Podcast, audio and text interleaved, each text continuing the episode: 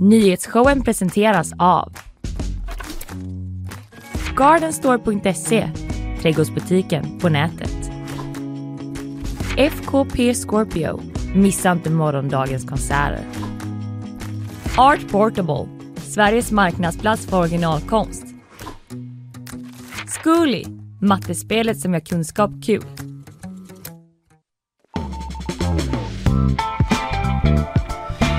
Visst är det det Guldörat-nominerade morgonprogrammet Nyhetsshowen som eh, du lyssnar på. Visst är det det, Kalle Berg. Och den tillika Guldörat-nominerade programledaren Ina Lundström som sitter Stämmer här. också. Slut på skryt. Eh, Vad ska du prata om idag? Jag ska absolut prata om eh, varghybrider. Mm. Jag vet ju att du inte är jätteintresserad av hundar. Nej, intresserad inte men eh, Du gillar dem inte så mycket. Nej, vargar kommer du, däremot. Kommer du kanske bli gladare när jag berättar att snart går det runt vargar i var och varannat koppel. Mm, mm, vad härligt. Ja, det ska jag prata om i alla fall. Hjälp. Ja, jag ska prata om eh, Kanada lite grann faktiskt. Jaha. Eh, En pinsamhet har ägt rum i parlamentet. Oh. Mm, eh, en hyllning gone wrong. Oh. Eh, dessutom eh, lite om Donald Trump eh, som eh, har eh, förklarats skyldig av en domare redan innan rättegången för eh, skryt och ljug. jag ska förklara med varandra Ja, sen. får göra. Sen får vi en fin fin gäst idag. Det är Johanna Bäckström Lärneby som är journalist och författare. Det är hon som har skrivit den här eh, reportageboken Familjen tidigare om Just liksom det. klanstrukturer i Göteborg och så. Nu är hon ute med en ny bok eh, som heter Spelkungen som eh, handlar om en snubbe då som eh, liksom fifflade med sådana spelmaskiner på 90-talet i Göteborg och skapade sig en förmögenhet och eh, liksom rättegången mot honom har kallats för Sveriges eh, första maffiarättegång. Spännande. Väldigt intressant. Mm. Sen har vi bakvagn eh, Ja. som vanligt. Vad har du där? Ja, jag kommer eh, dels prata om en liten solskenshistoria från klimatkrisens Grekland eh, och eh, om världens största partybroms. Ja, Ja, jag har utsett honom nu. va, vad spännande. Mm. Ja. Mm. Alltid kul med en lista Va? eller kanske i alla fall en, Nej, det är bara en eh, enda person. En, en, Men, ett eh, och exakt vem det är. Ingen kommer säga emot mig när jag presenterar min motivering och vem det är kommer ni få veta i slutet av det här programmet. Mäktigt. Eh, Jag ska prata lite om Karl Petter Thorwaldsson, näringsministern som dansar en dans nu. En eh, lobbydans. Ah. Mm. Och eh, kanske lite också om eh, ja, en lastbilschaufför vid skredet i Stenungsund. Det får vi ni höra mer om sen. Eh, men du, eh, känns det bra det här med att vi är nominerade till Guldörat? Vi får ändå skryta lite till och bara nämna det. Ja men det blivit- tycker jag. Det tycker jag. Så länge man inte kan bli dömd för ljug och skryt eller vad det var man kunde. Nej, nej. det är ju bara en civilrätt i USA i så fall. Ah, tur. Det är inget brottsligt skryt heller. Nej, att nej. vi liksom blåser upp vår, eh, vårt värde på vår show Nej. och lurar investerare på det. Eller det kan vi potentiellt göra kanske. Eh, men då är det deras eget fel om de går på det. Nej men eh, det, det är väl jätteroligt. Jag är väldigt glad för jag, jag är ju nominerad, eh, de presenterade nominerade för programledare tidigare. Och det är jag nominerad för fast för Flashback Forever. då. Mm. Ja, det är sånt man kan rösta på. Så det kan ju folk göra om de vill. Ja det får de absolut Rösta göra. på dig. Ja, Får han den här, för sen är vi nominerade till årets morgonprogram då. Exakt. Där kan man inte rösta utan där är det jury. ja, Mm. det är jätteroligt. Jag tycker det ska bli väldigt trevligt att vi kan gå på den ihop. Det ser jag mycket fram emot. Mm. Och om nyhetsshowen vinner så kommer jag putta ner er allihopa och bara kasta mig upp på scenen först själv. Ja, jag gjorde det! Onsdagar for the win! kommer jag skrika. Nej.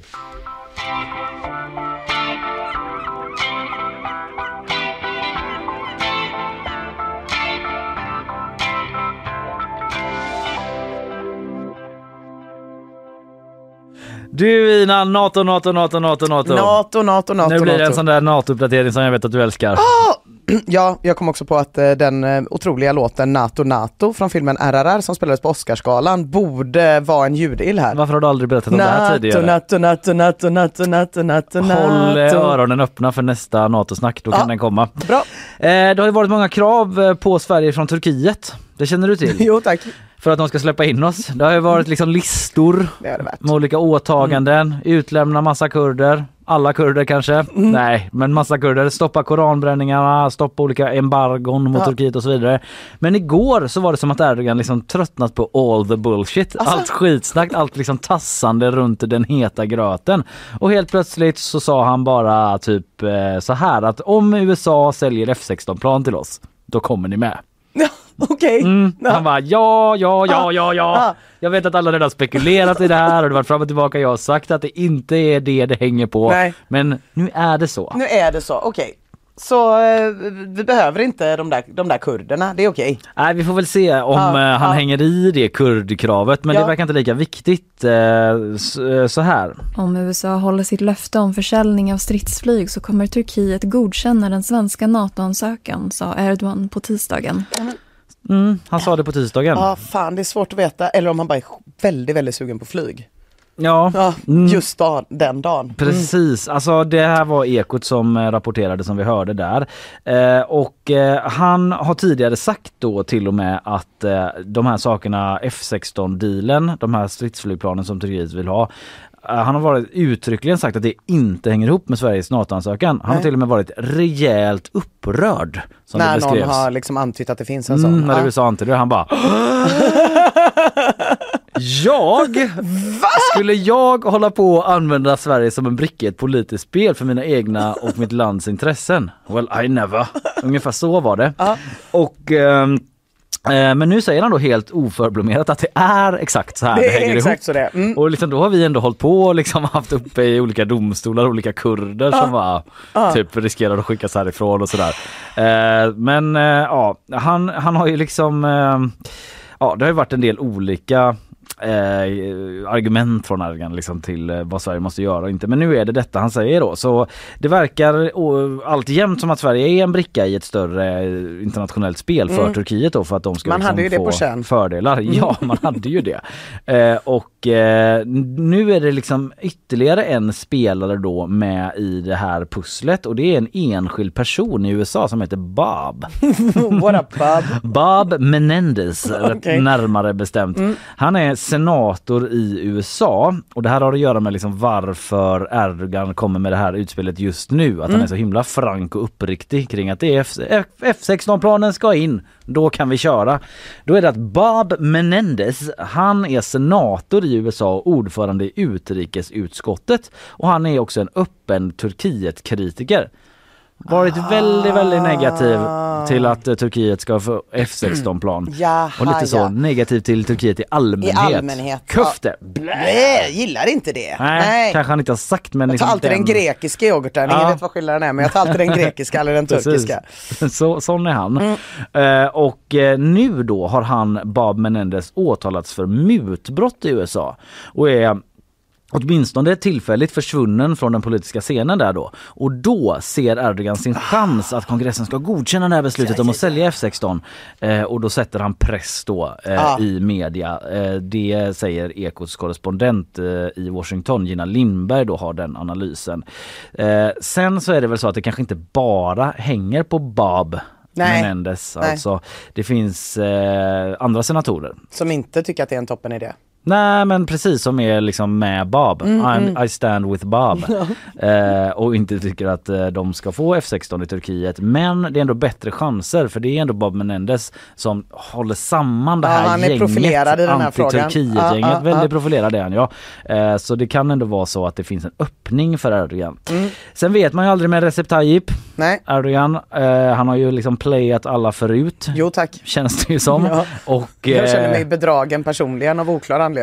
Ja, precis. Det, han, är så, han är så lurig. Ja, verkligen. Eh, är detta slutklämmen? Eller kommer det en Ja. plot twist till Ja. då, även om de skulle få F16? Det återstår att se. Turkietkännaren Paul Levin säger att NATO-processen är som en gisslanutväxling. USA litar inte på Turkiet, Turkiet litar inte på USA och liksom, vem- ska det släppas in först och säljas plan sen? Eller Ja, för det är ju sen? det första man tänker liksom. I vilken ordning ska det här ske? För jag föreslår ordningen att vi först får gå med om man vill det. Mm, och sen Det är den dealen man vill ha. Så, "Vad- här är planen. Eh, och nu till den andra planen Precis, kommer in. Och. Erdogan bara, ja. Någonting säger mig att Erdogan inte tänker så. Nej Nej. precis, han kommer vara så bara, och så var det alla kurderna då. Var är de? Var är de? Men det sa vi inte.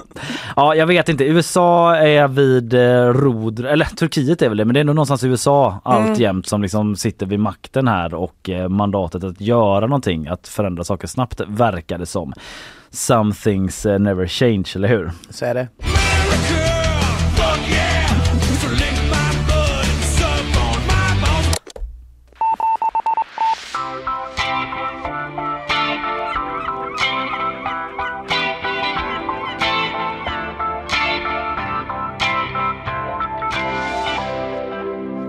Ja du Kalle, nu Ja. blir det varghybrider. Ja! Ja, eh, du det låter försöka- som det cool, som någonting väldigt coolt det på låter högstadiet. ganska coolt Ja. på var- Ja men visst gör det. Eh, Och det är att för att igår hade Aftonbladet en debattartikel med just rubriken Varghybriderna är för farliga, förbjud dem. Och den är skriven av socialdemokraten Anna-Karin Säterberg som är gruppledare i riksdagens miljö och jordbruksutskott. Anledningen att hon skrev det och anledningen att man har hört en del om varghybrider det senaste, det är för att Kaliber i P1 hade en dokumentärserie i tre delar som de släppte typ förra veckan tror jag, som handlade just om det. Du har inte hört den gissar jag Ah, Kalle? men jag, nej jag har hört om den lite grann. Ja. Men, då, Men det är då, inte varulvar vi talar om. det är inte varulvar Nej. vi talar om, utan då är du kunskapsmässigt på samma nivå som jag var i igår Mm. innan jag läste på om det här då. Eh, helt ovetande om vad en varghybrid är, vad problemet är och hur fan det skulle kunna påverka mig. Eh, och det kan ju också vara för att vi är storstadsbor Kalle och därför Mm. får en lite glasartad blick när, när, när ordet varg dyker upp i en Ja, rubrik. ja. Att man tänker direkt, det där angår inte mig. Eh, men det kan också vara för att det här med varghybrider inte är ett jätteproblem i Sverige. Än. Men vår granne i öst, Finland, har haft ett importstopp för varghybrider sedan 2016. Klassificerades som en invasiv art. Så då kanske det kan behöva tas på allvar. Ja. Men det är lite konstigt att kalla något för en invasiv art som består av varg och hund. Två saker som är så otroligt etablerade i Ja. Norden kan man tycka. Men vi får börja med det då. Vad är en varghybrid? ja tack. Kort sagt, då menar jag verkligen kort. Det är hundar som var vargar för mindre än fem generationer sedan. Okej. Och det, det vet man ju, det har ju- du kanske har sett sådana här memes typ så här, eh, det är en bild på någon liten chihuahua som har på sig en tokrolig sombrero och ligger i en barnvagn och så typ skrivs då de typ så här, den första vargen som närmade sig människan för 10 000 år sedan ångrar sig nog idag. Det. Eh, att vi har ju, vi har ju what you avlat- have become. Ah, what you have Ja. become. Ja, de, Strong mighty wolf. Strong Mighty Wolf, numera, eh, Descendant. numera främst känd som internet-content. Ah, Eh, Men det är ju det, hundar har ju funnits i 10 000 år. Det borde inte finnas några sådana kvar, kanske man tänker sig då. Eftersom Ja, att det var ju länge sedan de var vargar. Ja, ja. Men grejen är ju att hundar och vargar kan para sig. Mm. För de är inte så himla olika. Så man kan skapa nya varg och hundhybrider. Och om jag har fattat de här extremt snåriga reglerna korrekt. De första fyra generationerna kallas de här för varghybrider. Mhm. Sen kallas de bara för hundar. Okej. Men riktigt så enkelt är det inte och hela det här problemet handlar egentligen om hur Jordbruksverkets regler ser ut i Sverige. Och det är att de eh, pratar om generationer. Mm. Man pratar alltså om generationer, inte halt av varg. När man ska säga om någonting är lagligt eller inte. Nej just det. Så Då hade man behövt mäta varje... Varje, Ja, skickar alla på mm, sådana mm. ancestry DNA-test. Ja, oh, jag har lite. Staffordshire Ja. Bull Terrier från Skottland säger min gamla byracka där hemma. Börjar bli pompös. Eh, nej, en hund är alltså laglig i Sverige om den är minst fem generationer från varg. Innan dess får du inte avla på den, du får inte äga den heller. Nej. Så det man gör är att man importerar hundar från till exempel USA som har minst fem generationer mellan sig och en rejäv jävla varg. Liksom. Eh, och det kan ju vara en variant på, på varg, det behöver inte vara en 100% varg men en utblandad varg. Eh, så i USA så parar man en hund med en varg och så tar man den valpen, parar med en hund, parar med den valpen med en hund och så vidare. Och så sjunker halten av varg. Så det, först är det hälften varg, sen efter någon Ja. generation blir det 12,5 och så vidare. Tills vi är nere på 3% i femte generationen. Jag tycker det känns suspekt med bara hela den parningsgrejen mellan varg och hund. Vi Ja. kanske liksom inte är Att det inte ska finns gå in på det. samtycke. Ja, lite så oroar mig. Jag tycker att det... Det gör mig lite illa berörd typ. Ja, att ja. en eh, stackars hund ska in med en varg typ Ja, och, och, och, och ja, är det någon avgörande händer, skillnad om vargen är liksom tik och den andra är hane? Tycker du det känns mindre sunkigt om det är en vargtjej och en hundkille? På något sätt gör det det, men då är det väl jag som kanske är sunkig då. Eller jag vet inte att det är någon sån, att det är liksom jokes on me på något sätt. Jag vet inte. Jag, jag tycker likadant Ja, nämligen. Jag det bara det känns, känns jätte- så. Jag, har inte funderat på det här, nej. intellektualiserat det. Det känns bara inte bra i magen. Nej, nej. Jag kan hålla med om det. Ja. Jag kan absolut hålla med om det. Men den femte generationen av den här då exporterar man till Sverige. Ja. Det är enkel matte va? Det är som när man groggar. Du gör en 50-50 grogg säger vi på 40% i vodka. Då blir den 20% stark. Det går ner lite lättare. Och det är samma sak med varg. Den ska blandas ut till en hanterbar mängd varg. Mm. Och 3% varg anses vara acceptabelt här. Det är som en folköl. Men är, man räknar ju inte på procent utan man räknar ju som sagt på generationer Mm. och det finns ett problem med det här och det är att genetik funkar inte alls på samma sätt som när man blandar drinkar. Så det är inte alls garanterat att det är 50% varg i första generationen Nej, eller 25% i nästa och så vidare. Det är som att man kan sitta då fram på småtimmarna precis innan man ska lägga sig Mm. med en sån jä- jättegrogg. Jättegrogg! Om man har otur. Om man har otur, om man har riktig otur. Den slog. Ja, den kan slå alldeles för hårt. Och ett ännu större problem det är att de här hundarna då man använder som groggvirke, Ja. de är liksom inte djurvärldens motsvarighet till apelsinjuice. De kanske inte alls innehåller 0% varg. Nej. De kanske liksom är varghaltiga. Så om vi liksom Just fortsätter det. med den här ganska lekmannamässiga genetikmatten Mm. så är det som att liksom, det kan bli som att grogga vodka med vin. Just det. Och det har jag gjort och det är ingen bra idé. Nej, så kan jag säga, det får man ångra. Mm. För om man parar en varg med en hund som redan är 50% varg, då blir ju inte valpen hälften varg. Det är ju Jordbruksverkets glädjekalkyl. Utan mycket, mycket mer varg. Hur mycket varg? Ingen aning, orkar inte räkna ut. Men man har fått en jävla potent varghund. Och om man parar den varghunden med en lika potent varghund, då blir ju liksom den valpen lika mycket varghund. Då blir det som att grogga en vodka apelsinjuice med en gin och tonic. Det blir liksom inte svagare alls, det blir bara svinkonstigt. Ja. Eh, Jag tror kanske att den liknelsen har dragit så långt den kan. Ja, någonstans. den, var, den var jättekul, bra så länge den var med oss. Den, liksom. den, var med gjorde oss. jobbet. Ja. Den, den är klar nu. Ja. Eh, Men säg att du har en sån hund, sån hund då, Mm. som kanske är 95% varg, men klassad som hund. Ja, det låter ju inte bra för eh, Nej. det här landet Sverige typ. Nej, och då kan du ju ta då en 100% varg, det vill säga en helt vanlig jävla varg, para med den 95-procentiga varghunden, Mm. vilket i och för sig du tycker är mindre sunkigt, men det blir ändå väldigt mycket varg. Ta det resultatet, avla vidare med en annan 95% Mm. i varg, också en hund, och i femte läget, då, laget, då har du en jävla massa varg för pengarna. Med all laglig rätt och exportera den till Sverige som hund, Mm. trots att det på innehållsförteckningen borde stå typ 95% varg, kan innehålla spår av hund. Så kort sagt så verkar Jordbruksverkets regler vara väldigt naiva och det är väldigt lätt att komma runt dem för det är väldigt lätt att skapa en hund med väldigt hög halt varg. Och när du väl har importerat två sådana hundar från USA, 95-procentiga vargar, då är det fritt fram att avla dem och då kommer ju liksom inte varghalten sjunka på något sätt överhuvudtaget. Typ så kan man beskriva eh, problemet ungefär. Eh, Jordbruksverket, de tror de har ett skottsäkert system för att få hundar med max 3% varg i sig. Istället utnyttjas exakt det systemet för att sälja typ 95%. Ja men det är ju som folköl och läkarsprit. Det är den sista liknelsen jag lovar. Men jag vill bara säga att det är en jävla skillnad mellan folköl och läkarsprit. Ja. Okej, men vad är problemet med det då? Vargar är väl gulliga och ger sig inte oftast på människor, väl?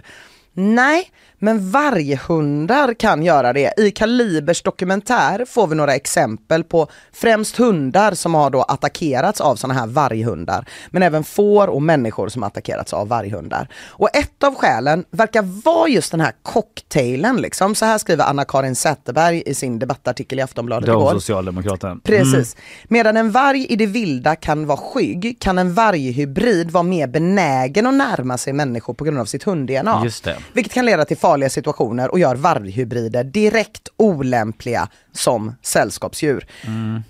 En liten alkoholanalogi här då, om vi säger att en 100% varg är som en ganska timid mellanchef från liksom Upplands Väsby, så kan den lilla shot rutten hund han får Mm. i sig på en AV blir det som gör att han börjar veva på dansgolvet. Det blir inget bra helt Mm. Nej, enkelt. slipsen upp och... Ah, Man vet hur det blir. Mm. Och vargar är faktiskt mer utpräglade flockdjur än vad hundar är, vilket också kan ställa till det.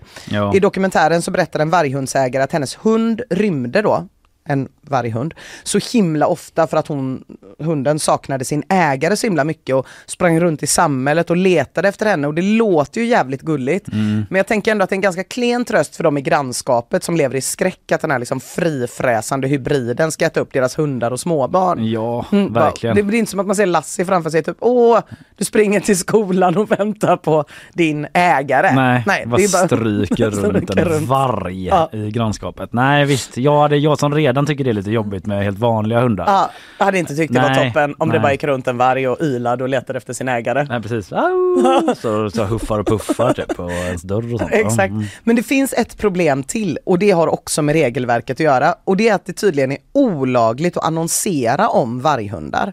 Eller att nämna i en annons att en hund har delar av varg-DNA i sig. Mhm. Vilket känns jävligt korkat.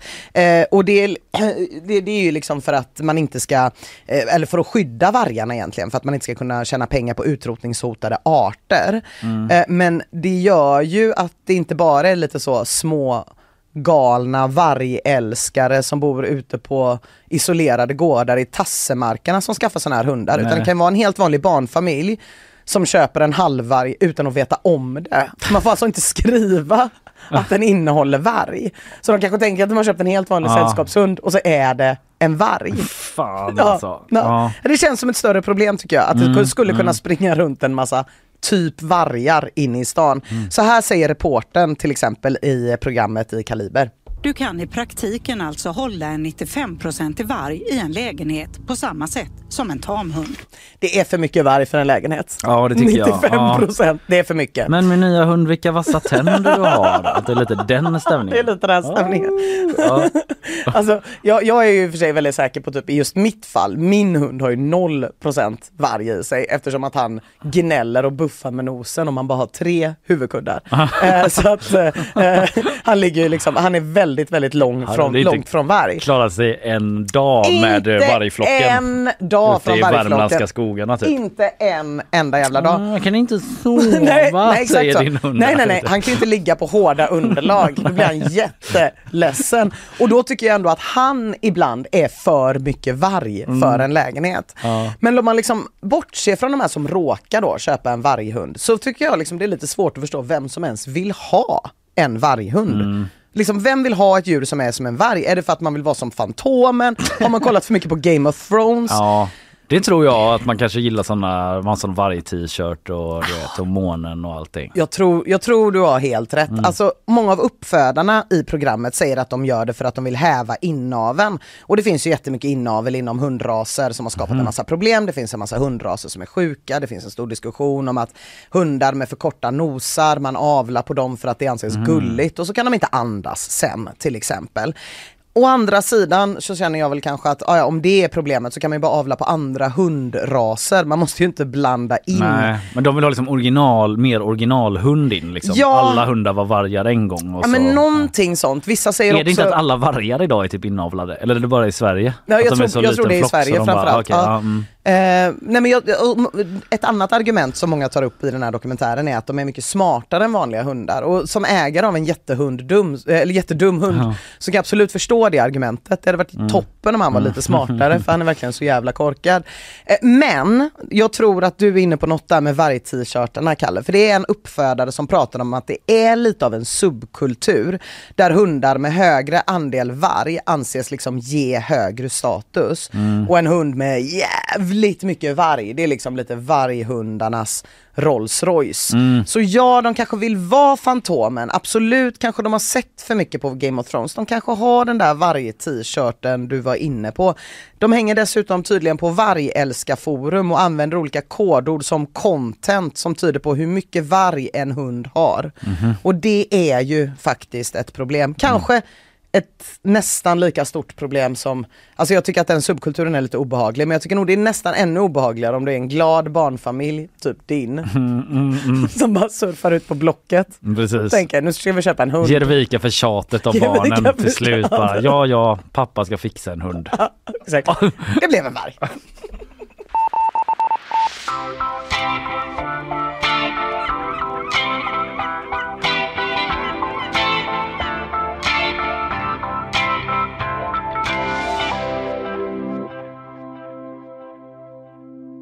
Eh, vi ska prata lite om eh, Kanada sen. Ja! Stor skandal i parlamentet. Pinsamt, pinsamt Nej, men- har det varit. Eh, det ska jag berätta om. Först ska vi lyssna på våra sponsorer. Nyhetsshowen presenteras av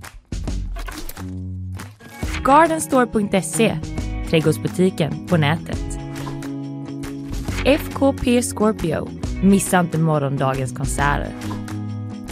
Art Portable Sveriges marknadsplats för originalkonst. Zcooly Mattespelet som gör kunskap kul.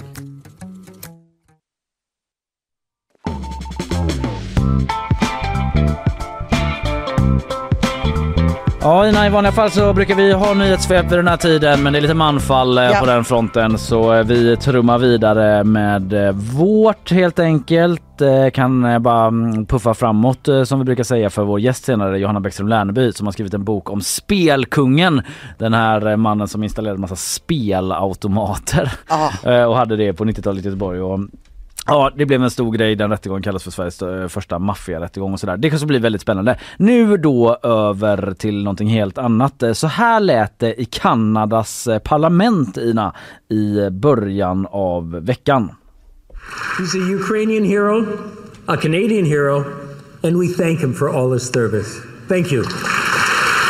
Ja, applåder till Ja. en ukrainsk och kanadensisk hjälte. Alla var så glada. En gammal jävel gissar jag En på. liten, liten gubbe som satt på läktaren och tog emot stående ovationer och man beskrev honom som en... Ukrainian Canadian world veteran from the Second World War who fought the Ukrainian independence against the Russians and continues to support the troops today, even at his age of 98.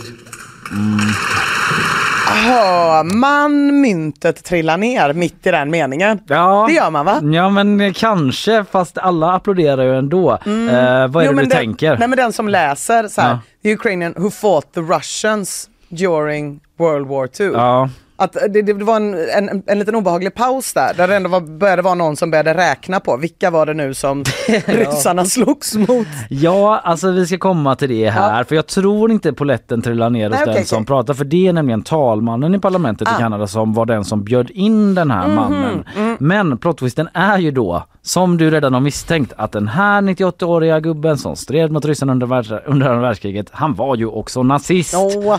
och del av ett ökänt nazistförband också vars brott mot mänskligheten under förintelsen är väl dokumenterade enligt välrenommerade Simon Wiesenthal Center som är en sån här organisation som jobbar mot antisemitism bland annat.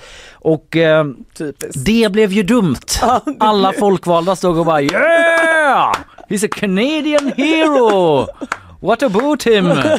Give, give him a hand! Eh, Ja, synd han- att du inte vann över ryssarna under andra världskriget. Ja, det är också knäppt att, eh, vilka var det nu som var allierade med ryssarna under, världs, under andra världskriget? Det var ju Kanada! Så jag menar han slogs ju mot dem då indirekt också. Det bara liksom read up lite på er historia Ja. kan man ju känna. Nu rasar i alla fall oppositionen och flera judiska organisationer mot detta och talmannen i parlamentet som alltså var den som bjöd in den här gamle gamle gubben. Han var liksom lite såhär bara, han är från eh, typ mi- mitt distrikt. Give it up for an old nazi fella.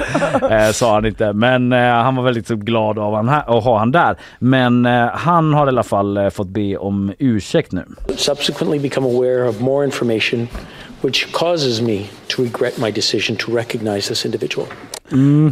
Ny information har fått honom att ångra sitt val att eh, erkänna den här Jag, jag vill bara säga att jag, jag står fast vid att han bjöd in honom, han har skrivit allting, han har Mm. inte tänkt någonting, men när han läste upp den där formuleringen, Ja. då Den lilla, ah, okej. ja, jag vill hävda att man hör att han... Ska vi ta ja, det men snälla, en vi tar det en gång till? till. Bara ska precis, precis. Han är tyst en stund där. Ukrainian Canadian world veteran from the Second World War who fought the Ukrainian independence against the Russians and continues to support the troops today. Där! Han fattar exakt där. The Russians. World War Russians. Ja, eh, han menar i alla fall om det var där och då den här nya informationen nådde honom eller av honom själv. Eller av senare. organisationer. Ja, mm. eller av Simon Wiesenthal Center. Just det. Så eh, fick han eh, liksom Be om ursäkt. Mm. ång- be om ursäkt. Eh, Därför eh, sa han eh, så här alltså. I wish to apologize to the House, and I'm deeply sorry that I've offended many uh, in my, with my gestures and remarks. Deeply sorry, himla pinsamt för talmannen men oppositionen är inte nöjda med det. Nej. För de kräver nämligen en ursäkt av eh, premiärminister Justin Trudeau också. Okej. De menar liksom att han som premiärminister och eh, hans eh, regering helt enkelt är ansvariga för vem som kommer in i parlamentet. Särskilt när det gäller besök från andra länder. It is the Prime Minister whose government is responsible for both security and diplomatic vetting of everyone that comes in close proximity of a foreign leader on Canadian soil, particularly a foreign leader who is at war. Oh, the government has now admitted that they vetted everyone who was in attendance uh, that day. Will the Prime Minister apologize for having vetted this individual and letting him come anyway? Förlåt att jag säger det, men fan vad jag hatar oppositioner. Förlåt att jag låter som en diktatur. fel. Ja men liksom såhär, nej du måste också be om ursäkt. Typ. Åh. Det jag inte har nämnt ännu är att eh, en annan som var i parlamentet var ju Volodymyr Zelensky, Ja! Ukrainas president. Och då menar de ju också att liksom, okej vi har bjudit in en ledare, fått finbesök som dessutom är i krig då. Typ. Det finns en säkerhetsrisk med att ta in liksom vilken gammal nazist som helst i parlamentet eh, när han står där. Och dessutom då att de menar att uh, han ju att de har så här vetted every, everyone who was there, alltså gjort bakgrundskollar då men ändå släppt igenom den här personen.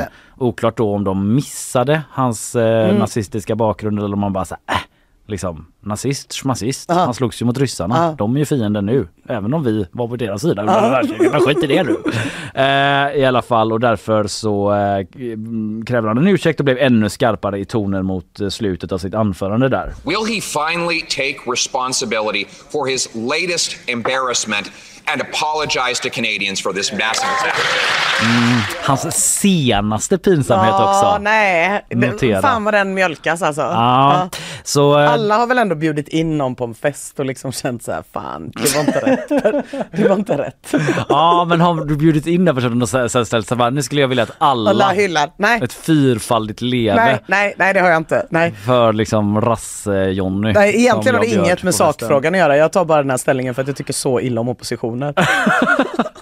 Ja, eh, det här spelar ju tyvärr också Ryssland rätt i händerna då Mm. i deras narrativ som de driver att Ukraina måste avnazifieras. Just det. De är lite så, kolla här, Ja. deras hjältar är nazister Ja, och de det är en hyllas i Kanada nu också. väldigt, eh, väldigt dålig PR-grej. Mm. Att så här, när ändå Zelensky är här så passar vi på att hylla en ukrainsk nazist. Ja och Zelensky vet ju inte heller om det. Nej. Så han gör någon sån här, du vet, Ja. knyter näven lite så här bara. Slava Ja. Ukrain säger han inte Jag med hade den varit så stämningen. sur om jag var han. Ja, eller hur? Eh, så det var ju himla olyckligt att man spelar ryssarna rätt i händerna och eh, Ja precis, eh, lite tokigt som det blev bara. Ingen ursäkt ännu från Justin Trudeau eh, vad jag har hört eh, när jag kollade på detta under morgonen. Han är ju upptagen med en annan internationell dispyt dessutom. Vi ska inte gå in närmare på den Just men det. det är ju att Kanada anklagat Indien för att ligga bakom mordet på en psykisk ledare i Just det. Kanada Mm. och Indien kallat det för absurt. Och eh, ja, hela den grejen är en annan historia som han kanske också är upptagen med. Eh, men den kan vi fördjupa oss i kanske en annan eh, gång.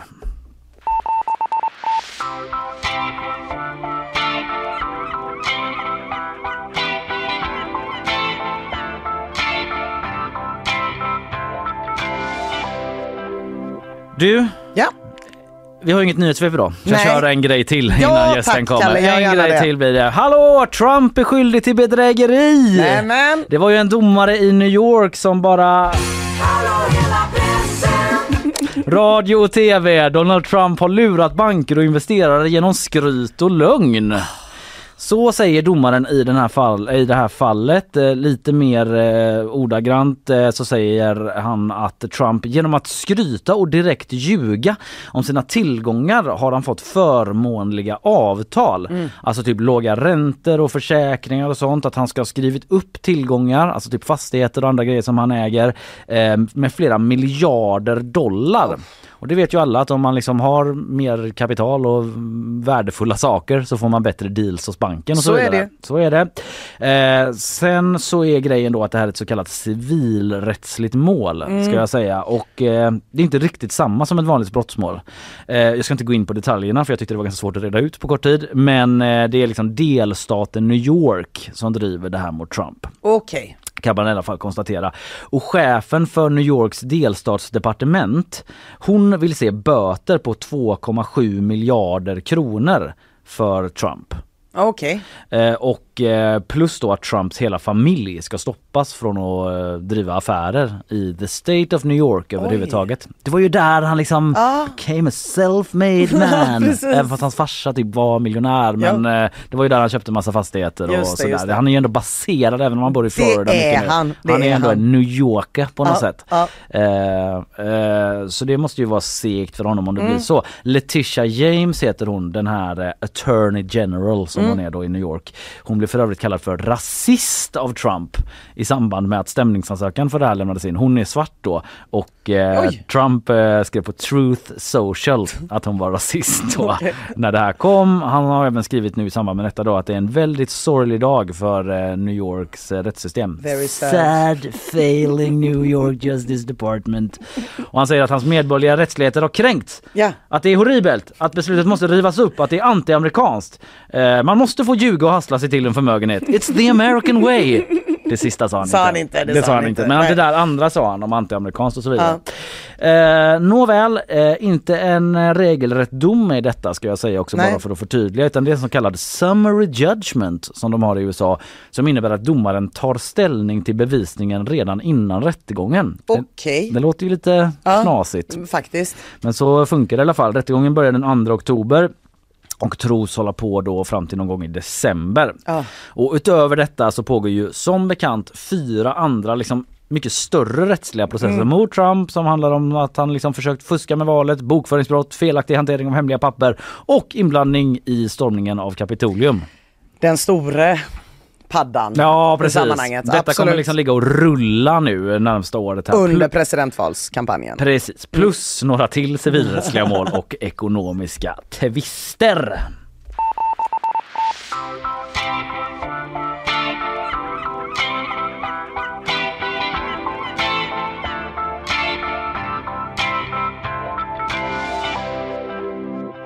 Strax då gäst Johanna Bäckström Lär, Lärneby här för att prata om eh, sin nya bok Spelkungen.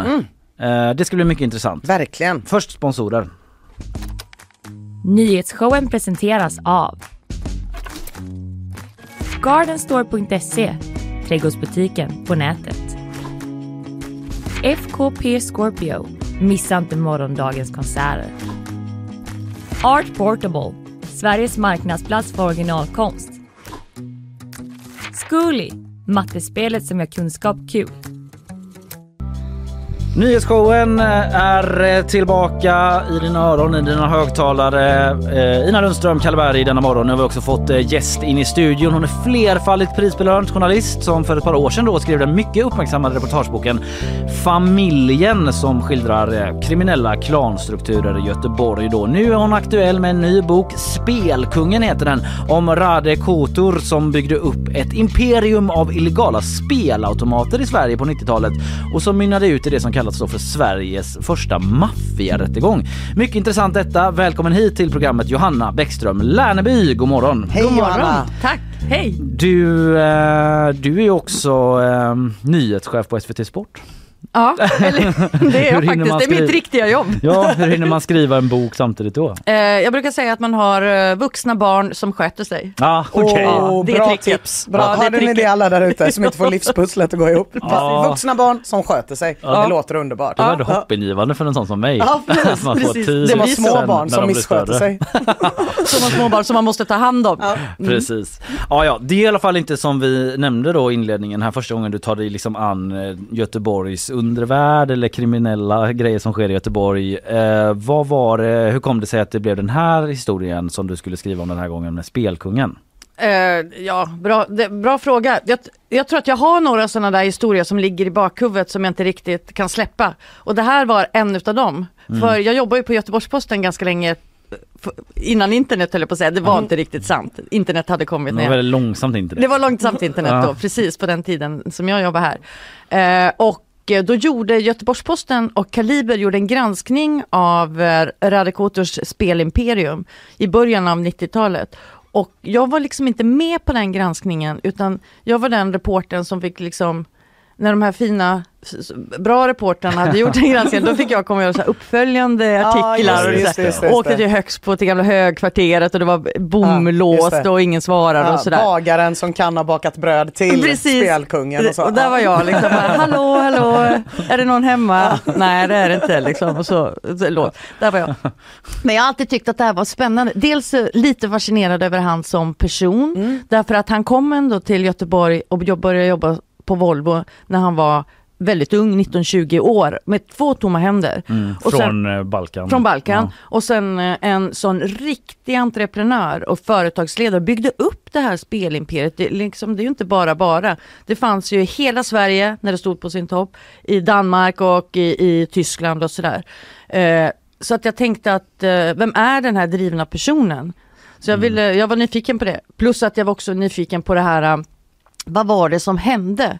Eh, hela den här myndighetssamverkan som är världens, det måste vara svenskans sexigaste ord, myndighetssamverkan. Det är väldigt på tapeten. Det är väldigt på tapeten. Ja. Eh, Jag tror att det är, jag är den enda som tycker åh det är så spännande, om man inte vet vad det är. Men, eh, Ja, det men var vi kommer med till det sen tror jag, med, Vi myndighets, kommer- ja, med, just med det. myndighetssamverkan tänker jag. Precis. Eh, för det Men det del var liksom- det som det var fa- fascinerande av hela den här historien. Och så var jag riktigt nyfiken på vad säger han idag? Mm. Vad, hur ser han liksom på den här tiden själv? Ja för du har ju träffat honom och pratat med honom Ja. Eh, och det kommer gud, vi till också. Men bara så att Jätte. alla hänger med Ja, här jag då. behöver få, få reda på de här maskinerna. Johanna. Jag ser framför mig att det är de här maskinerna, för jag, jag tänker ändå att i början av 90-talet så fanns det ju spelmaskiner utställda lite överallt. Typ. Man gick in i en tobaksaffär, längst bak fanns det en liten spelmaskin. Exakt. Och samtidigt så fanns det ju de här Jack Vegas som var Svenska Spels egna, eller de kanske kom några år senare, som hade typ maxvinst 500 kronor och spela ansvarigt och sådär. Men det fanns också pokermaskiner där man kunde vinna eller förlora Precis. hur mycket pengar som helst. Det är Rades. Det är Det de. är, det. ja, de. det är exakt de. Det är exakt de.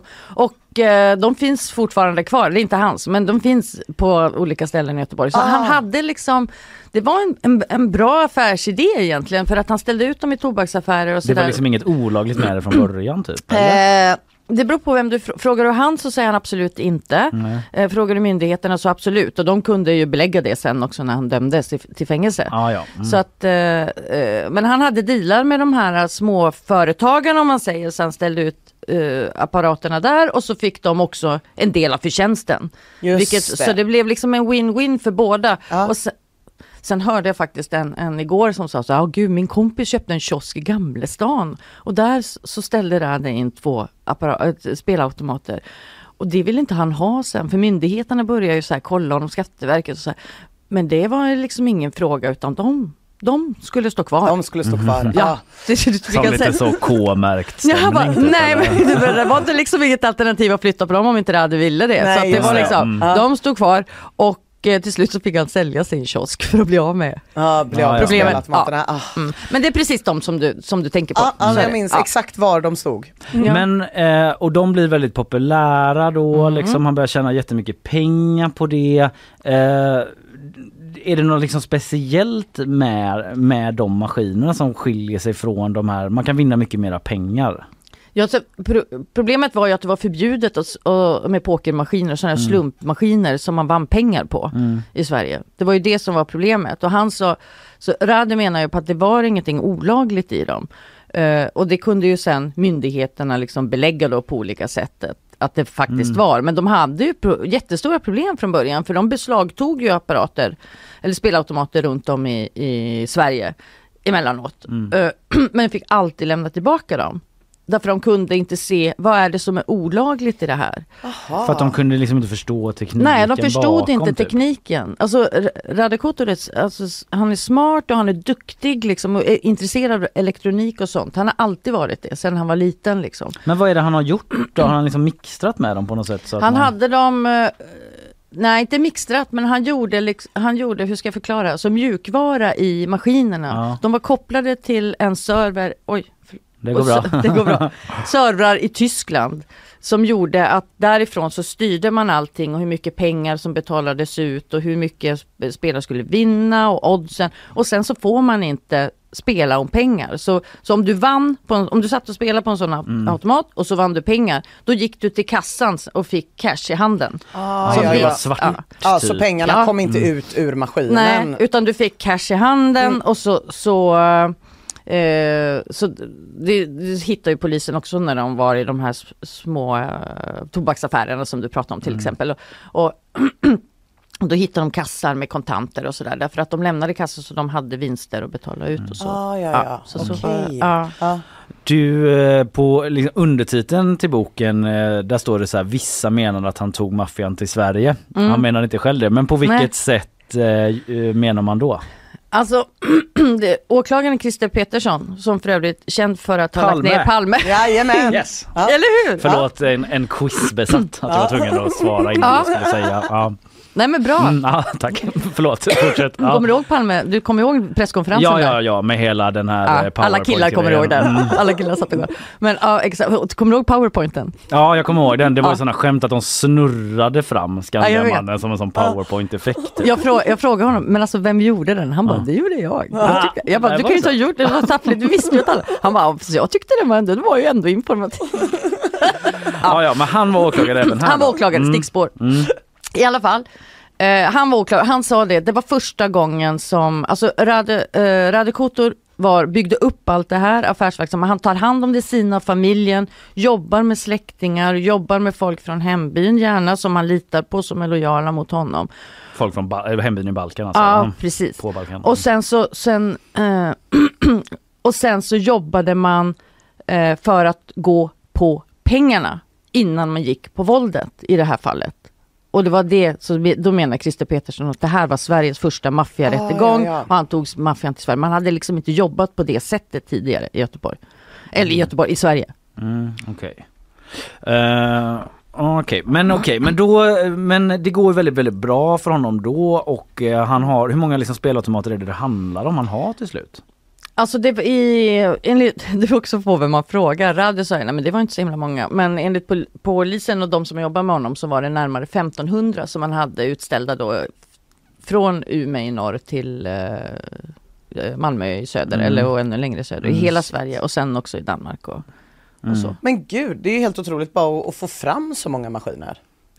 Eh, ja men jag vet. Alltså ja. inte bara mjukvaran Nej. utan själva hårdvaran. Ja. De är ju rätt stora liksom. Ja precis men han hade, han hade snickare och han hade Han sina leveranser. själv liksom. Ja, inte hela tiden, men Nej. han hade också snickare från början när, han, när det blev när det blev liksom för långa leveranstider. Därför att det här växte ju på 90-talet och folk Ja. ville ha mer och mer de här spelautomaterna stående hos sig i sin verksamhet. Och då behövde han få fram delar först och då tröttnade han på att liksom beställa från Irland och från England och sådär där han gjorde. Så då såg han till att skaffa snickare som kunde bygga höljet. Mm. Ja. Okej. Och så, så hade han programvaran och så beställde han och så gjorde han själv också. Så Ja shit, väldigt som du sa innan där, entreprenörs... Ja men han är det. Jag tycker att han är, jag är lite impad av just den biten. Jag skulle också vilja vara en sån. Där, Ja. där, där hjärnan sover aldrig. Just man bara kom, driftighet, man kommer på så olika idéer hela tiden. liksom. Ja. Men eh, hur länge får han hålla på med det här då i godan ro så att säga innan, innan någon liksom kommer honom på spåren och Eh, alltså du men, de är ju honom på spåren väldigt länge men de vet ju liksom inte hur de ska komma åt honom. Just det där att de får lämna tillbaka spelautomaterna. En polis sa till exempel så här, ja men de kunde åka till Hisingen till exempel och så, så beslagtog de massa spelautomater från något ställe. Och så kunde polisen som har varit där och gjort beslaget, då kunde de liksom nästa timme nästan stå och titta på när Rades killar kom med nya spelautomater och ställde tillbaka liksom. Därför att det var, de menar ju på att det inte var något olagligt. Så att de var ju honom på spåren men de kom ju liksom inte åt honom. De fick ju hela tiden lämna tillbaka de här automaterna för de hittade inget olagligt. Eh, och eh, det var därför de liksom bestämde sig för att nu måste vi bara ta bort alla inkomster från honom så vi kommer åt, för de fattar ju att det var någonting som var lite shady här. Mm. Plus att det började komma massa våldsbrott i kölvattnet av detta. Alltså mord och mordförsök och liksom Men vad är det som är upprinnelsen till det våldseskaleringen då? För så var det inte från början men det blir mer och mer våldsamt. Ja absolut, Ja. absolut. Det blir det. Och det. Nej men folk var ju emot honom. Alltså när man, för de, de som inte var lojala och liksom gjorde, Inom hans typ organisation om man ska Ja eller det. bröt sig loss Ja. och liksom gjorde saker Eller starta som inte- eget typ. Till exempel, Ja. till exempel. Precis, Och då blir det våldsamt då. det blir det. Mm. Eh, för en person då, som du beskriver som en eh, nyckelperson heter Benice Bjälkevik Ja. som var eh, dåvarande chef Ja. då på Skatteverket. Det är verkligen så här, not all heroes wear capes. typ. Eller hur? Men visst är det Vissa så? heroes Ja. heter Bernice Och jag tänker så här, ja men vi- vissa heroes och är pensionärer nu Ja. och bor på Hisingen. Hon, eh, nej men hon är en nyckelperson och jag tänker så här, jag har sån, när, jag sk- när jag skriver om de här grejerna, det låter så jävla osexigt men jag säger vilken jävla respekt det är. Alla de här tjänstemännen ni vet som man inte har en aning om. De gnetar på i det tysta på något sätt och gör så stora, eh, så stora för, alltså förändringar och så stor skillnad liksom för att vi andra bara ska Ja. hova in ett tryggare samhälle eller vad man ska säga. Vi har ju ingen aning om det här. För hon lyckas ju då med det här. Hon eh, är jävligt orädd. Ja, Förlåt att jag svär i ert program. det är okej. Hon är väldigt orädd och ser liksom vad som händer där i slutet av 90-talet. Hon ser ju Hells Angels, hon ser alla de här som den organiserade brottsligheten, hur de kan liksom komma undan eh, med ekonomiska bedrägerier i stora mått. Och grejen är ju att det är våra skattepengar. Det är ju vi tre och alla andra som lyssnar på det, på det här programmet som, som betalar de här rakt ner i de kriminellas fickor. Och så är det ju liksom inte tänkt att att skattesystemet ska fungera. Eh, och hon ser detta och tänker att det måste gå att göra något åt det.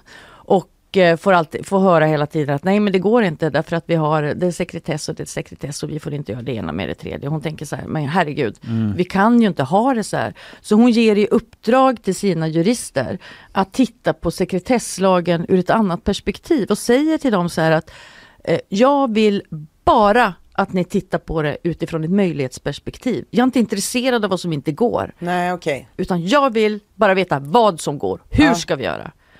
Och det är väl ett underbart perspektiv. men för att de ska kunna Det liksom är det man ska ha jurister till känner jag. ja, hitta lösningar. Hitta lösning, jag är inte det intresserad av något annat. Och Men för att de ska kunna samverka med polisen på ett ja, bättre sätt. inte liksom- bara polisen Mm. utan alla myndigheter. Mm. Och nu kommer vi då till myndighetssamverkan, dagens ord. Eller? Ja, absolut. Ja, Ja, visst är det. för då kan alla myndigheterna gemensamt då ta krafttag mot eh, spelkungen. Precis, exakt. Och Spelkungen blev deras eh, pilotärende. Operation Las Vegas kallar de det. Aha. Som, som eh, d- när alla de här myndigheterna samverkade Ja, ihop. Var det det precis. första gången som... Exakt, så man Okej. gjorde på det här sättet, det här stora sättet. De, de byggde liksom lokaler i polishuset där alla skulle set, sitta. Säpo bara, vi kan sköta skalskyddet, det gjorde de. Och sen Ah. så hade varje myndighet, så här, eller myndighetsperson, ett litet kassaskåp där de låste in sina saker i slutet av Alltså ni vet, det var så hemligt. Det var inte alla som hade access till det här hemliga rummet och det var så här nybyggaranda och grejer. Sen insåg de så här, hmm, hur ska vi göra för att vi ska liksom sprida det här arbetssättet? För de var säkra på att det är så här man måste göra. Då insåg de, därför Stockholm var väldigt skeptiska mot det här. Och, eh, Varför då? För- Eh, därför att sekretesslagen fanns, om Ja, jag just. Benice och alla dem. De Ja. bara, ja, och så var de lite så här. Men Göteborg kände så här, ja men vi skiter i det, nu Ja. kör vi. Liksom. då får måste, de, vi måste, då får de väl hänga på sen om de vill. Eh, och vad som hände var att de, de insåg så här, okej vi måste ha ett polis som syns. Och då i samma veva så kom de på det här med Radikot. Jag tror att GP och Kalibers granskning var en del av, av anledningen till att de liksom hade Radikotor och eh, RKC, hans bolag, top of mind. Mm. Mm. Så att det var så det blev Operation Las Vegas. Just det. Det är fortfarande det största beslaget i svensk kriminalhistoria. Ah, va, jag va, varför är det ingen tv-serie? När blir det tv-serie? Har du skrivit kontrakt? Jag vet inte, skriver du manus så jag, det- låt oss göra det Jag vill bara se, jag vill bara se den här lilla, det här när de inreder rummet, de Ja, men olika det är- myndigheterna. Jag. Det är väldigt Jag amerikanskt, liksom The Ja. Wire som special unit, Ja. liksom, Ja, alla under det- ett eh, exakt. tak. Så. Ge Mm. oss en tv-serie Ja. och en kompetent person som regisserar den. Ja. Det här största polistillslaget i svensk kriminalhistoria då som det kallas. eh, Mm. är- är det, jag får ju bara upp en sån bild av att det, du vet, de sitter en tidig morgon, gryningsräd. Exakt så var det. Det var det? Och liksom Ja. in och bara baxade hur många automater som helst. Eller Ja. vad gjorde de? Exakt så. Vad de hade, det var ju en person som hette Marita som jobbade som, hon jobbar fortfarande på ekobrottsmyndigheter, som, som var, eh, hon koordinerade hela det här. Och de var så svinrädda för att det skulle läcka ut vad de höll på att planera. För det var ju hela landet, alla poliser i hela landet var inblandade, eller polisdistrikt. På den tiden så var ju polisen 21 myndigheter. Så då hade hon gjort så här små så här foldrar till alla kan man säga. Så att om du jobbar på Hisingspolisen och du jobbar i Angered så fick du så här, hej Hisingspolisen, det här är ditt område, du ska gå till de här olika tobaksaffärerna och kaféerna och, och krogarna och, och beslagta de här automaterna. Det här är frågorna du ska ställa. Eh, jag vill att du fotar det här och det här och det här på automaterna. Allt för att säkra bevisen. Och du skulle ju samma i Angered. Men ni två visste Vet inte... inte om. Exakt. Ni vet inte om varandra. Vilket gör om du läcker Ah. Så, så kan du bara förstöra Hisingsområdet. Du kan inte förstöra Och det blir Angeredsområdet. lättare att fatta att det var jag som läckte också kanske. Kanske. Ja. kanske. De får ju inte efterforska käll, men det kanske, ja, vad vet jag. Men i alla fall, så det Ja, var... inte till journalister. Ja. Nej, Mm, nej, till precis. kriminella. Ja, skitsamma. Ja, förlåt. Mm. I alla fall, så, så det var så, det var så man, eh, det var så man gjorde. Mm. Gud, jag vill se den här serien med Bernice och Anita och hela det här jävla Ja, gänget. Marie- hon heter Marita. Marita, förlåt, Marita och Bernice. Jag vill ha riktigt bra skådisar i de casting. Ja. Alltså, Det har ju allt. fy fan vad bra.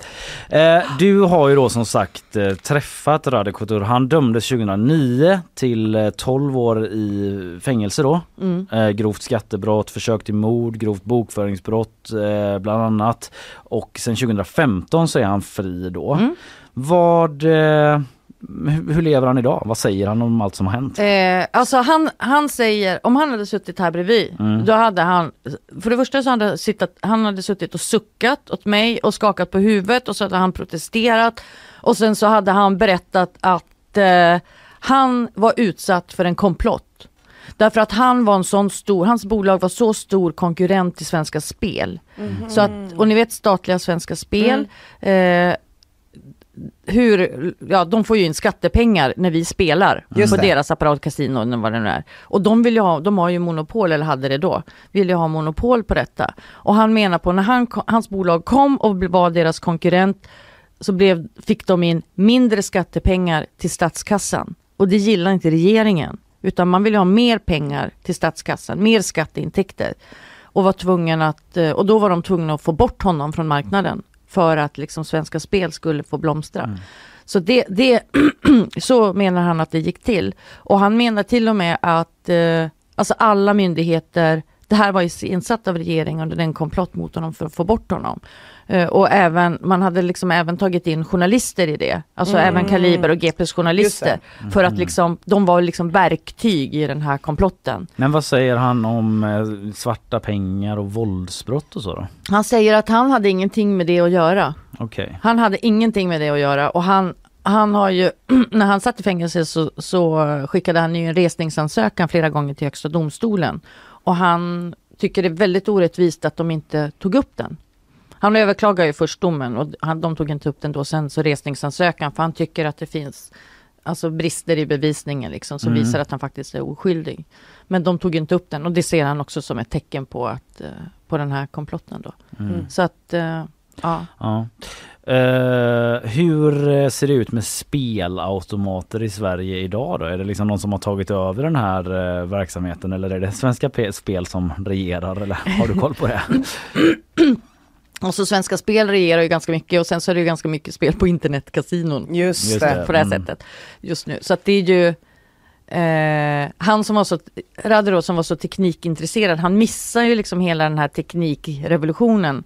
Första iPhonen kom till Sverige samma år som han åkte in i fängelse och sådär. Just Så att det. när man vet hur han, hur han är så är det Alltså det är, lite, det är lite sorgligt att han inte liksom fick vara med Ja. just när det begav sig. Men, eh, men annars så, så frodas nog spelbranschen. Jag var ju ute och spelade på automater för ett halvår sedan ungefär. Mhm. För att testa. Mm. Jag tänkte jag måste se. Så då hade jag en, en, ja, en av mina källor som hjälpte mig.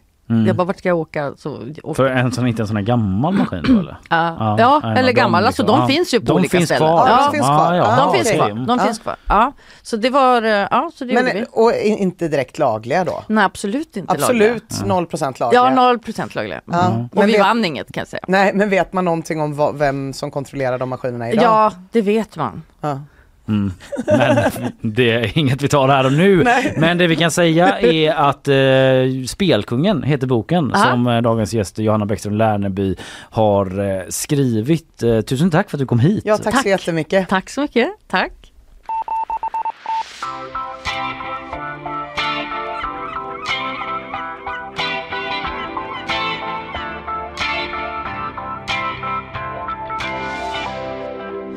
Yes, vi ska vidare i programmet men eh, först eh, lyssnar vi på sponsorerna.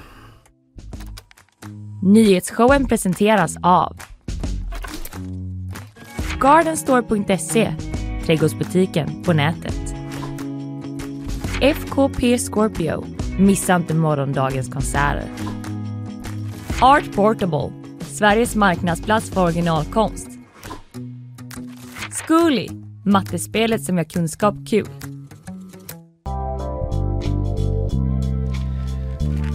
Ja visst är det nyhetsshowen. Visst eh, är det. Det Guldörat nominerade Den programmet. Guldöret nominerade programmet, ja, det är otroligt Jag ska faktiskt. släppa det men eh, jag kan behöver väl få ta det. släppa det. En sändning Jag kan jag väl få gotta mig lite i det. Det är ändå kul. Det är klart du får. Du, eh, nu är det mer nyheter. Ja, det blir mer nyheter. Jag vill veta nu under septembers sista dallrande dagar, Kalle, Ja. om du börjar ladda för Oktoberfest. Jag har redan firat. Nej! Jo. Fan vad avundsjuk jag blir! Det är sant. Berätta allt! Alltså det var ju inte på Bayerskt vis i stor skala men vi var fyra grabbar, gamla Nej, men- goda vänner som samlades eh, hemma Ja. eh, och eh, åt en fantastisk middag med korv och surkål och eh, vad hette det Karl? Spetsler, Spetsler, ja, ja, spetsler och så vidare. Ja, fy Och lite sådana olika trevligt. öl och sånt. Det var helt underbart. Jag, det är min favorithögtid, Oktoberfest. Ja. Det är den absolut bästa. Jag har aldrig firat Jul, innan, men- påsk, släng dig i väggen. Mitt, mitt, alltså nu blir det lite så här, men vi kommer snart till nyheten. Mm. Men jag var på Liseberg en gång, på Tyrolen, på Oktoberfest. Det var helt fantastiskt. Mm, Ja, de kör det ja. Då var Ja. det ett sånt Tyrolerband med tubor som körde No Woman No Oompa Cry. boompa, liksom. Bom, bom, bom, bom, Ja, bom. Bom, bom, bom, bom, bom, bom, bom, cry. bom, bom, bom. Ja, det var helt det instrumentalt. funkar. Det var otroligt. Ja, ja. Det var också jättefint efteråt. Jag blev så tagen av Oktoberbandet och jag skulle ha fest eh, kort efter. Eh, så jag frågade om det inte gick att boka dem. Mm. Och då sa han som uppenbarligen var ledaren för Tyrolergänget, vilket datum är det? Ja men det är den här och den här oktober och så kollar han i kalendern. Tyvärr det här gänget är upptagna men jag har några fler sa han. Alltså, han så har flera nog- band? Det, typ, eller? flera Tyrolers, Ja. flera sådana Oompa Loompa. Skitmånga tydligen. Skitsamma, han jobbar på Liseberg. Hör av er till honom om ni eh, vill veta något mer. Det jag vill komma till, Kalle, det är Mm. att alla älskar väl för fan en god Oktoberfest. Ja, Nej! Ja. Det finns en enda person som inte gör det. En partybroms som tycker nu är det slut på det roliga. Och då tänker man hur fan kan någon vara en så tråkig jävel? Jo, det är man genom att ha världens partypoopigaste namn i världen. Lyssna nu då. Prins Luitpold Ruprecht Heinrich, 72 år gammal, den sista bayerska kungens barnbarnsbarn. Alltså Kalle, tänk dig att du flyttar in i en ny lägenhet. Du tänker att du ska ha inflyttningsfest. Du tänker att du ska lämna en liten lapp där nere till grannarna och säga hoppas ni hör av er om ni har några klagomål. Vad tror du då att prins Luitpold Ruprecht Heinrich, 72 gör? Han gnäller om man kollar på mello, han gnäller om man har barn som typ finns. Det fattar man ju. Så antagligen har då Luitpold Rupert Heinrich ägnat sina 72 år här på jorden till att försöka få alla att ha lika tråkigt runt honom som hans namn indikerar. Och nu Nu Ja. rasar han mot oktoberfesten eftersom han tycker att de där billiga dräkterna och de där fnissiga hattarna är problematiska. Till Antenne Bayern säger han, om det bara... Nej, han pratar inte så. Om det bara handlar om att bära en kostym för att bli fullig, då förlorar man mycket kultur och tradition i processen. Aha, han kör liksom lite den CA-grejen Ja. typ. Att folk har läderhosen utan att förstå vad det innebär liksom. Exakt. Cherry picking från den ädla bayerska kulturen. Exakt vad Louis Paul Rupert Heinrich menar. Ja. Exakt. Det tycker nog inte de sex miljoner glada människor som varje år vallfärdar till München för att gå på Oktoberfest, världens objektivt sett trevligaste fest. Så vad fan är problemet? Och precis som du säger Kalle, så tycker Paul Rupert Heinrich så här som han säger till tidningen. När jag ser kinesiskt tillverkade folkdräkter gjorda av plast, pseudodräkter med snäva dindels, då blir det hela en karneval, säger han och fortsätter. Vi pratar alla om kulturell appropriering idag. Här händer det oss bajare. Ja. Alla bajare. Alla bajare. är arga. Ja. ja, han använder kulturell appropriering själv alltså. han kör på Mm. kulturell appropriering. Han tycker väl då att liksom det här finns folkdräkter, här finns det historia. Det är väl en utav alla som har läst det här med kulturell appropriering. Lite slarvigt kan man tycka. Mm. Eh, och så tycker han då att det är att pissa på då den utsatta minoriteten bajrare. Ja, för det är väl det som är, för det är ju att man ändå tar någon gammal kultur och gör liksom, eh, Gud, ja. liksom buttrixifierade Ja. typ. Men eh, ja, det är inte lika utsatt grupp kanske Bajen, eller jag har inte så bra koll på på Bajarna. på Bajarnas Nej men historia. München har det rätt gött. De har det rätt bra. Det är Ja. inte den fattigaste delen av Tyskland. det Nej, är det inte. de är inte bra på fotboll. Nej och just eh, om man ska ha någon som ska föra ens talan, då kanske man inte ska ha prins Mm. Paul Rupert. Heinrich 72. Nej, det precis. kanske inte är han som ska stå upp och säga, stå upp för the little man. Nej precis. Nej. Vi är orättvist behandlade. Ja, nej, det. Och jag heter prins. Jag heter prins Louis Paul Rupert Heinrich. Jag är 72 år och jag är den sista bayerska kungens barnbarnsbarn. Okej då.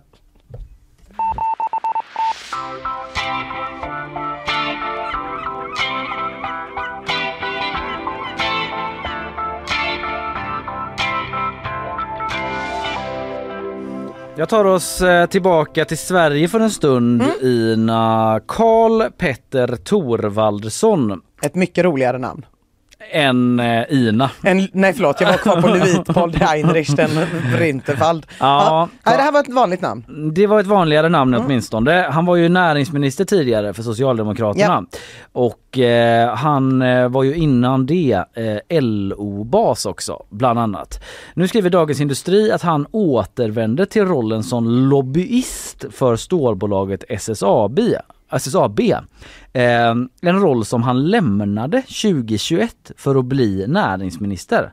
Hänger Oj. vi med här nu alltså? Ja precis. Han var på LO, så blev han lobbyist för SSAB. Sen blev han näringsförgiftning. Minister ett år. Näringsminister, ja i ett år, ja precis. Och sen så eh, Tillbaka till- tillbaka Ah. till SSAB. Som är ett stålbolag ju. Och Mm. näringsministern, han... eh, Har en del att säga till om om stålbolag. Precis. Mm. Eh, och eh, den här övergången som har gjort nu senast då från näringsminister till eh, lobbyist för SSAB. Det sker mindre än ett år efter att han lämnade regeringen enligt regeringens hemsida. Och eh, det är inte okej. Nej, det låter inte okej. För man ska ha en viss eh, karenstid där. Ja. Stötte på den här nyheten först på X Ja. Twitter Ah. där eh, Andreas Cervenka, ekonomijournalisten på Aftonbladet skrev ursäkta men det här är ju helt sjukt. Och Okej. så länkade han artikeln. Mm, mm. Sen var det typ hundra kommentarer från diverse folk som var typ så här: det är sossarna det, that's sossarna you, just det. jävla sossar. Ja. Den ena handen vet precis och så är det pampar och sådär. Ja. Eh, även då eh, en sosse som svarade och skrev eh, eh, så här, Det är typiskt oss. Nej, eh, liksom på tweeten, ursäkta men det är helt sjukt. Varför det? Aha. Undrar Skapa Mats debatt. Eriksson Mm. eh, som är socialdemokrat och beskriver sig som LO-politruk bland annat, Ja. lite skämtsamt kanske. Men att en person med, bakgrunden, med den bakgrunden arbetar för ett företag som ligger i framkant vad gäller fossilfritt stål och dessutom är helt transparent med det är väl alldeles utmärkt. Så, så säger han då, bara för att få ett annat perspektiv. Ja. Men det är ju liksom en liten dans här. Han dansar Karl Petter Thorwaldsson. LO-bas, lobbyist, näringslivsminister och lobbyist igen. Mm, det är lite som att du typ den här veckan skulle sitta i juryn för Guldörat. Ja. Fast bara den här veckan, sen snabbt komma tillbaka och göra den här eh, sändningen. Ja men precis, det blir ju ändå någon sorts, eh, det blir lite knepigt på något vänster. Ja. Eh, han har då eh, liksom nåtts av det här att det har gått mindre än ett år eh, sedan han lämnade sitt uppdrag i regeringen och eh, han medger efter Dagens Industris artikel att han brutit mot övergångsreglerna när han återvände till SSAB. Eh, utan att anmäla det till karensnämnden. För det är det man ska göra nämligen. Ja. Det var ett misstag säger han till Dagens Industri men avfärdar ändå jävsrisken då när han nu eh, ändå då ska driva liksom samma frågor för SSAB eh, som han hanterade som, Som minister. näringsminister, ja. Ja, för det handlar liksom om såna här grejer som att man ska göra liksom nytt klimatsmart stål och kanske Ja. man från SSAB vill ha olika satsningar från regeringen, att man ska få möjligheter att liksom Mm. bedriva innovation. Och tidigare var det Karl-Petter Thorwaldsson som liksom var den som skulle bestämma mer eller mindre om man får de här typ bidragen eller Han vet väl i alla fall hur stöden. snacket går. Ja, han har nog en ganska bra lina in till nuvarande, eller liksom, eh, nu är det i och för sig en borgerlig regering då, men, eh, men ändå. Mm. Ja. Mm, sådär. Eh, Och ja, det är ju någonting som sticker ut, åtminstone för Andreas Cervenka då som tycker det är helt eh, sjukt. Han tycker det är helt sjukt. Men eh, Vi får väl, vi får väl höra vidare vad det leder till. Ja det får vi göra. Det är något som sker i Sverige ändå. Man Mm. Ja. tänker Sverige, det är inte så att jag liksom ropar att det här är korruption rakt Nej. ut. Det ska jag väl inte göra men att, den här, att Sverige sjunker på sådana här mm, Ja, men precis. mest, minst korrupta landlistor och sådär. Ja. Och det här är ju någonting som pågår att politiker hoppar mellan olika Det- lobbyuppdrag. Jag vet, och... det verkar verkligen som att politiker hatar att vara politiker. Så fort de får chansen så vill de ju bara sitta i olika företagsstyrelser. Typ Göran Persson är så Swedbank. Hur liksom, kul så- kan det vara liksom? Nej, man hade kunnat tänka att de bara liksom, man hade velat att de bara satt och mögla Ja men precis. Ja, istället och var med i olika dokumentärer och Ja. pratade om hur det var förr. Ja, och berättar Ja. hur det ligger till egentligen. Precis. Typ att de direkt samma dag de avgår, direkt går ut och berättar vad de tycker och Ja. bara spill the tea. Exakt, inte gör det och typ så... eh, Sitter i olika styrelser. nej, typ det verkar också vara lobba. fruktansvärt tråkigt. Jag kan Ja. inte förstå varför alla, alla politiker drömmer tydligen om detta. Nej, jag undrar om det är ganska enkla pengar. Jo men det är väl antagligen det men Du behöver inte jobba varje dag som styrelse. Nej det behöver du inte men samtidigt, kanske. nej men vet du Eventuellt. vad? Om man, jobbar, koll, om, man jobbar, om man jobbar sällan, Ja. då kan det kännas som en ännu större belastning. Tänk dig att du typ så här, för du får ju ändå pengar efter, eller hur? Du får Mm. ju, jag kommer inte ihåg vad det heter nu, men när du har varit folkvald politiker. eh, Mm, Ja, man kan så, ansöka om någon sån där... eh, Ja, så mm. får du liksom ändå någon slags livsuppehållande åtgärdspeng som Mm. gör att du kan fortsätta leva på, på det, att, att du får inte en pension men en liksom innan du går i pension. Och jag tänker när du väl får pension får du rätt fet pension. Mm. Du går runt där, du har det hur jävla gött som helst. Du är en jävla king på sudoku. Du har det bara svintrevligt. Varje Mm. gång någon säger så här, har du sett den här tv-serien? Ja, ja, ja, ja, ja, den har jag sett. Hur bra som helst. Och sen så vet du att varannan jävla tisdag så ska du inte kunna kolla på dina jävla pelargoner och se om The Wire. Nej. Utan då måste du typ åka till så Saltsjöbaden och sitta i ett styrelserum och äta hallongrottor och Ja. typ Äh, fy fan Ja, det är väl cashen. Ja, det och att man gillar möten. Ja, men- man kanske men det- jag saknar att vara det i är, man möten. älskar nog möten. Om man är bra på att hålla Vilket i dem. också är helt sjukt.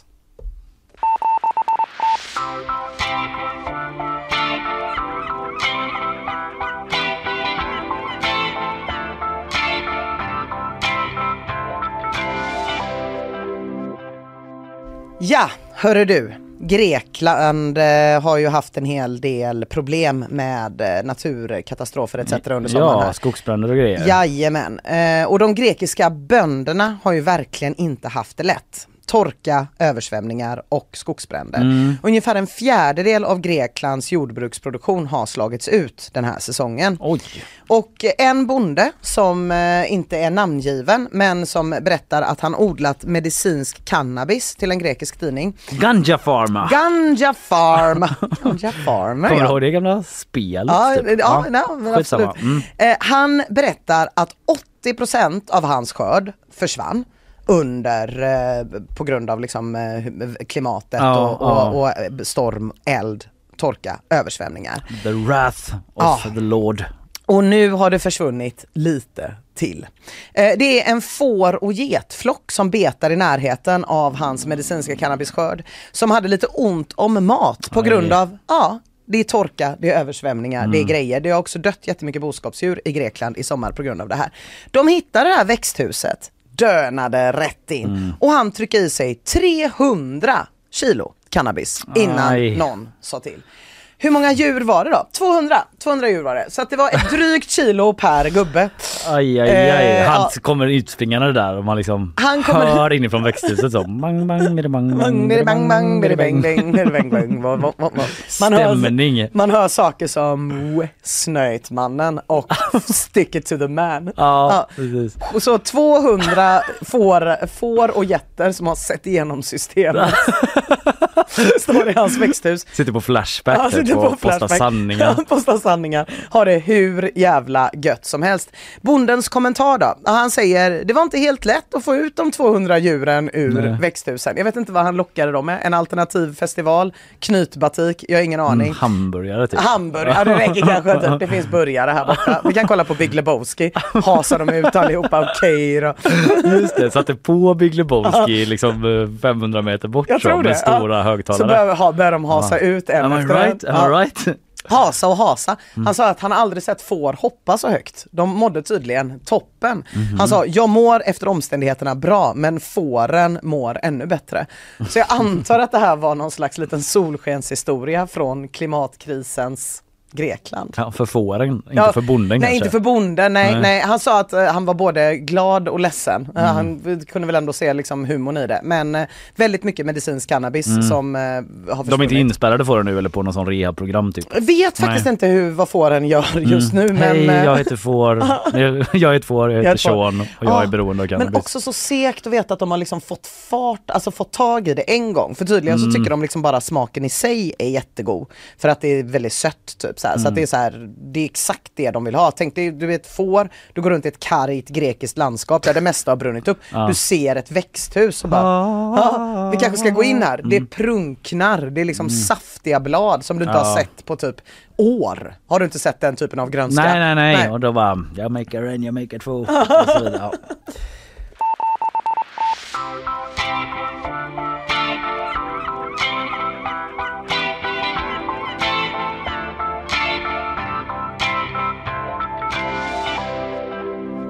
Liten kortis bara men eh, det har ju varit ett eh, jordskred utanför eh, Stenungsund då. Det känner du förstås till. Ja.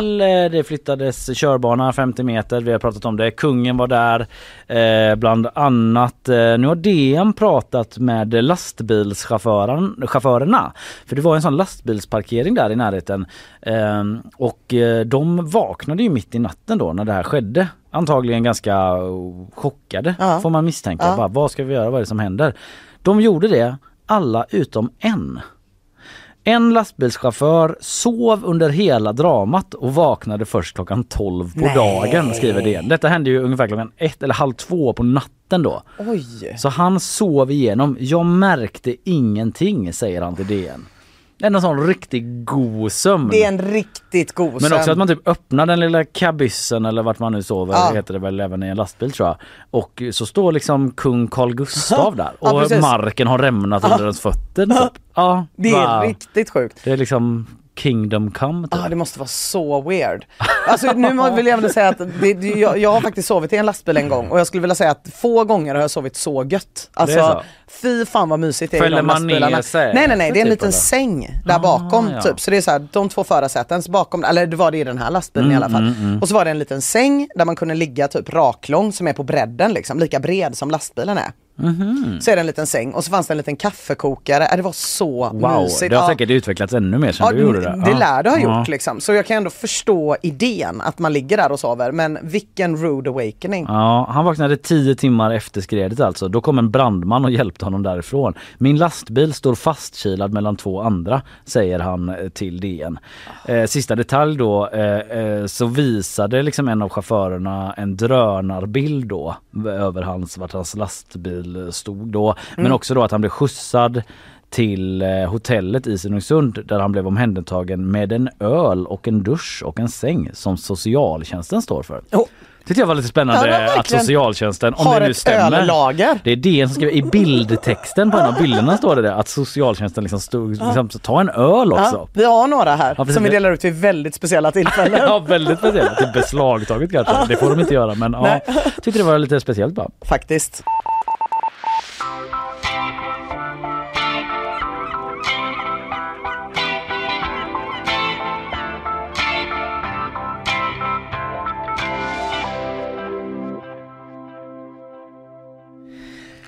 Du, eh, Elon Musk.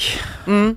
What's up with that guy? Jo, wha- what's up med honom? Ganska mycket saker som vanligt men han driver ju en social medieplattform som eh, numera kallas för X. Märkte det, eh, det, jag vet ju om det, men jag märkte det när jag eh, skulle skicka en eh, eh, X-länk till Mm. någon eh, igår. Eh, så eh, kopierade jag tweeten och så länkade jag det och så började det med X och då kändes det som att jag skickade porr. Ja. Och då insåg jag, nej just det, Det är ju det, det ser ut som att man har en porrapp i telefonen det gör också. ju det. Mm. Ja.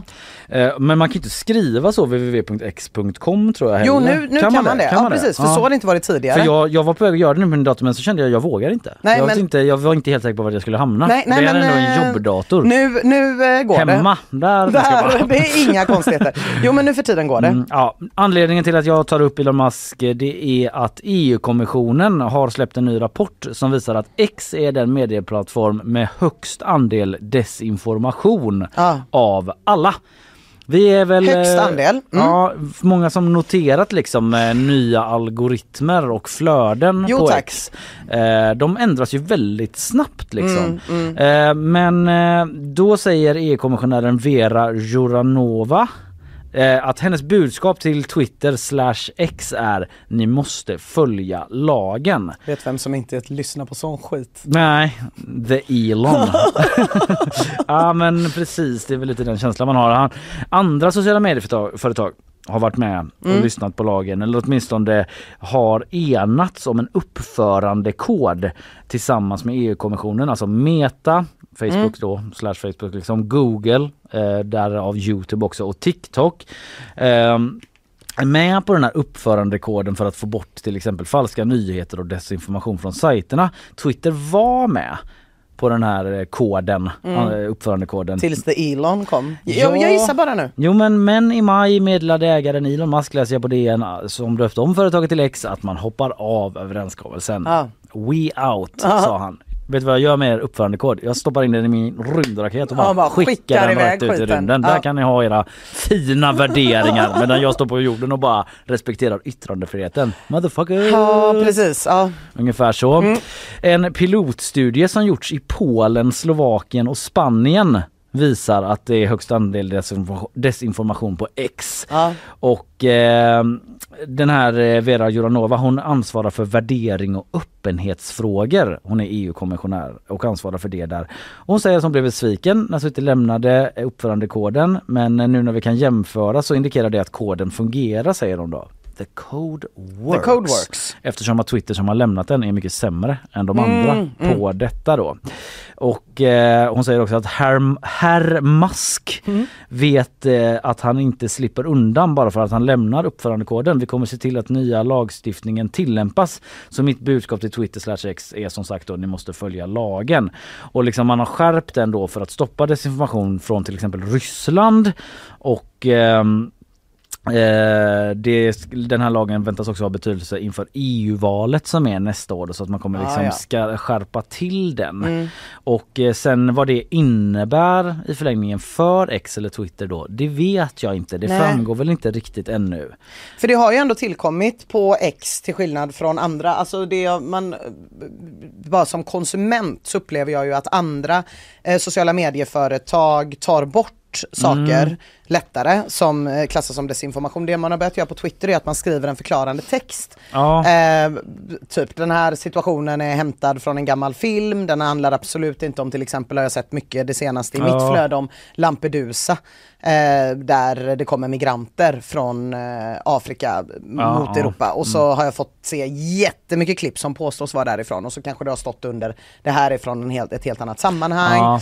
Ehm, Så de gör ändå saker då, anser Alltså, ansträngningar jo, men, men precis. Men samtidigt så kan man ju ändå se människor bli otroligt upprörda över klipp och filmer där det tydligt står under att det här är inte från där det påstås vara Mm. eller det här är en del av en spelfilm. Sådana saker har ju också hänt. Eller det här är ett del av ett prankprogram. Eh, Sådana saker. Mm. Vilket roligt prank att åka till Ah. 5000 pers till Lampedusa. Det brukar bara, framförallt, Vi är eh, flyktingar från Sudan.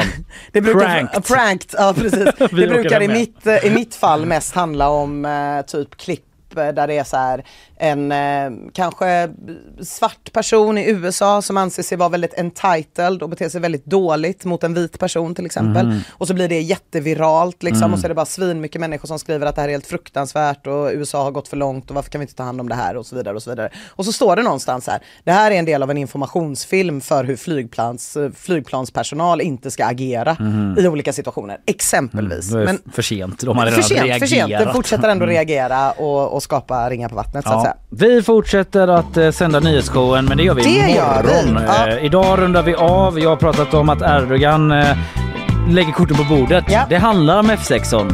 You got, F16, you got me. Det Ja. var som ni sa. Det var som ni sa. F16 ska in, då kommer även ni in Sverige. Typ så. Och du har pratat om varghundar. Hybrider, Ja, exakt. varghybrider. Ja, ja, ja, och att Socialdemokraterna nu då eh, genom Anna-Karin Säterberg, gruppledare i riksdagens miljö och jordbruksutskott vill se över lagstiftningen och förbjuda varghybrider i Ja, Sverige. det var verkligen en inblick i något man hade dålig koll på. Intressant. Sen har jag snackat om Kanada som hade en pinsam hyllning till en nazist i parlamentet.